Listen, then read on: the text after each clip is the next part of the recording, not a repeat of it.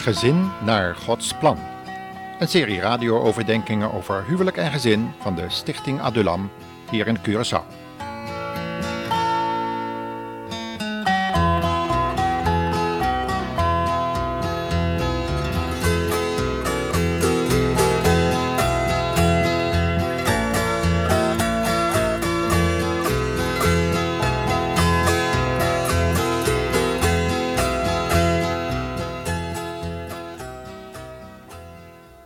Welkom luisteraar in ons Nederlandstalige familieprogramma voor de Antillen, over huwelijk en gezin dus. Het thema voor vandaag is huwelijk en maatschappij, waarbij we met elkaar zullen nagaan hoe het nageslacht van Kain zich na zijn vlucht voor God heeft ontwikkeld. In Genesis 4, vers 15 tot 24 zien we hoe God een merkteken op Kain geplaatst had. We weten niet wat dat voor merkteken geweest is, maar in de Bijbel komen wel meerdere malen zulke merktekenen voor. De ene keer is het een door God geplaatst teken aan ongelovigen, en ook weer de andere keer een door God geplaatst teken aan gelovigen. Hier in dit geval, in Genesis 4, krijgt een ongelovige een merkteken. En dat is een heel bijzonder merkteken, omdat het heeft te maken met bescherming van het leven dat is iets heel eigenaardigs dat een ongelovige dat krijgt. In het laatste Bijbelboek Openbaringen wordt er ook gesproken over een teken. Maar dat wordt niet door God gegeven, maar door de komende antichrist. In Openbaringen wordt er gesproken over koophandel en rijkdom, wat in handen blijkt te zijn van de zogenaamde reeds genoemde antichrist, de mens der zonde, die volledig beheerst zal worden door de Satan. Hij zal de gelovigen die vast willen houden aan Gods gedachten vervolgen en uitroeien, zoals de nakomelingen van Kain dat deden. De wijze waarop dat gaat zien we onder andere bij Lamech. Hier komen we nog op terug. Christenen die de Heer Jezus verwachten, zien echter niet naar de antichrist uit, maar naar de echte overwinnaar, die op het kruis voor hun zonden stierf. En van deze overwinnaar, Jezus Christus, willen zij zingen, zoals dit koor van Simon Evenblij, tot zijn eer.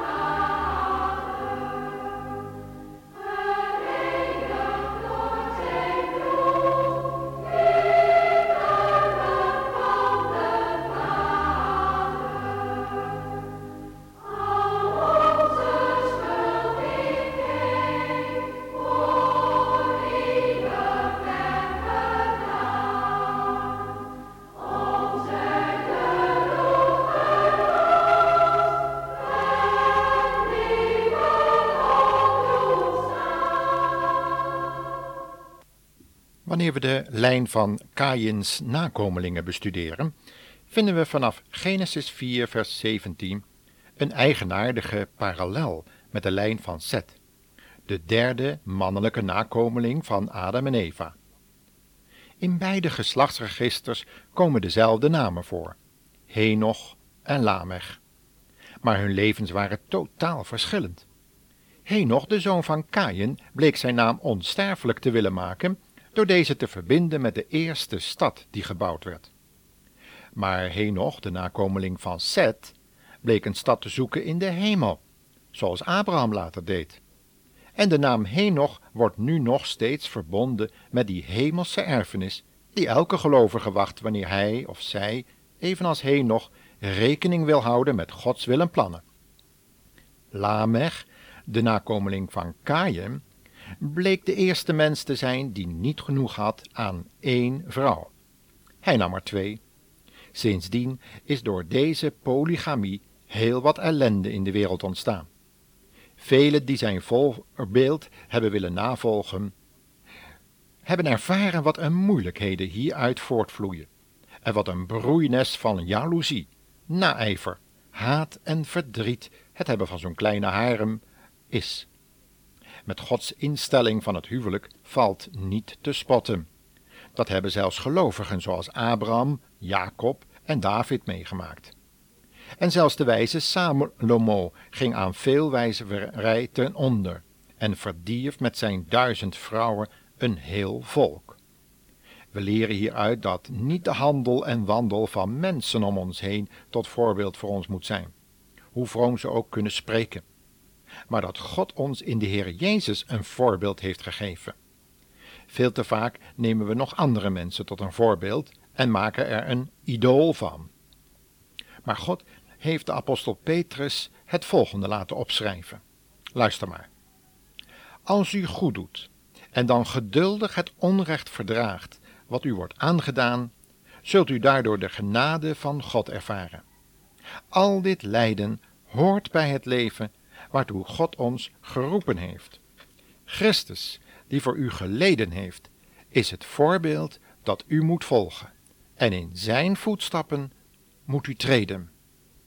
En daarover wil het koor van Simon Evenblij opnieuw zingen. Luistert u maar.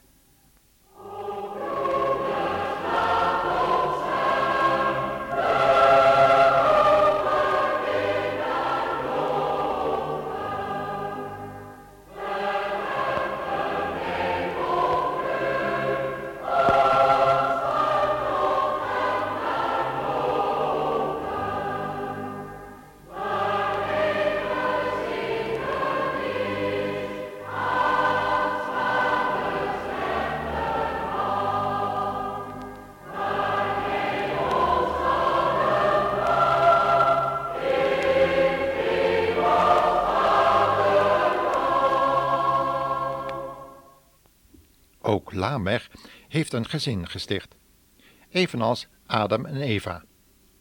Maar wat is het belangrijk dat ouders hun kinderen blijvende waarden in dit leven meegeven? Adam had tenminste nog zijn relatie met God en had geestelijke ervaringen door te geven. Maar Lamech, de nakomeling van Kaïn, had alleen maar oog voor de dingen van deze wereld. Zijn opvoeding was gebaseerd op genot, geweld en wraak. Het verkrijgen van gezag op grond van fysieke kracht, zoals dat tegenwoordig ook zo in is, via karate, kung en yoga en allerlei andere meditatietechnieken, waardoor we ook in de vechtsporten vaak dezelfde technieken vinden. Dat vinden we ook terug bij Lamech. Hij was het hoofd van een gezin wat zich beroemde op fysieke kracht. Wellicht deed hij ook hij aan bodybuilding en al die andere genoemde vechtsporten. Zal het nageslacht dit voorbeeld niet willen navolgen? Want het spreekt zo tot de verbeelding. En dat kan ook betekenen dat de wraak voor een buil of een verkeerd woord eindigt is hem in een moord, zoals dat in het geval bij Lamech was. En in plaats dat het in een gesprek ontwikkelt, vindt het hier plaats dat er een vuistslag komt. Velen hebben sindsdien de gevolgen van dit beroemen in eigen kracht aan lichaam en ziel moeten ervaren. En om deze oorzaak, ja door de hoogmoed die hier aan ten grondslag ligt, werd Jezus aan het kruis genageld. Luistert u maar.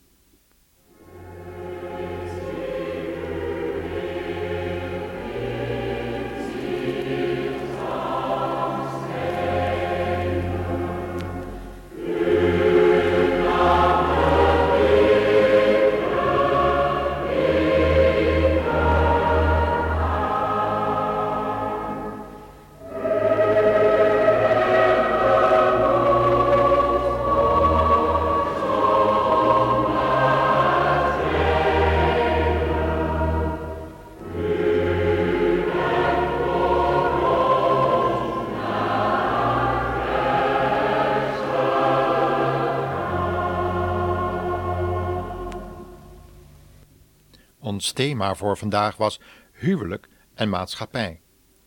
Maar we hebben het verband tussen die twee maatschappelijke orden nog niet rechtstreeks gezien. Als we de beroepen van de nakomelingen van Kaïn aan een nader onderzoek onderwerpen, zien we dat verband onmiddellijk. Het beroep van Jubal en Tubal Kaïn was respectievelijk muziekinstrumentmaker en metaalbewerker. Ook hierin zien we de hele maatschappelijke ontwikkeling. Muziek en techniek, hand in hand. Wist u trouwens, luisteraar, dat de duivel, voor hij een gevallen engel was, het beheer had over muziekinstrumenten en allerlei edele metalen en edelstenen? U kunt het lezen in een van de boeken van Ezekiel. En het is dan ook niet zo verwonderlijk dat de hele maatschappij om dezelfde dingen draait. Vooral in deze tijd, waarin de New Age muziek een sterke opgang beleeft. In het Bijbelboek Openbaringen staat dan ook het oordeel over deze egoïstische consumptiemaatschappij opgetekend. Wanneer we ons vertrouwen beginnen te stellen op aardse schatten en genoegens, en onze kracht zoeken in onszelf, en dan ook nog het hebben van meerdere vrouwen aanbevelen, en ons beroepen op fysieke en mystieke krachten in onszelf, dan handelen we duidelijk in strijd met Gods bedoelingen. In het Oude Testament bleek God voor bepaalde tijden polygamie te tolereren, maar heeft het nooit goedgekeurd en de gevolgen van deze polygamie juist heel scherp gehekeld. Het hele maatschappelijk bestel en de orde van God is gebaseerd op het huwelijk tussen één man en één vrouw. Geven God dat we daarnaar zullen leven, tot eer van Zijn naam.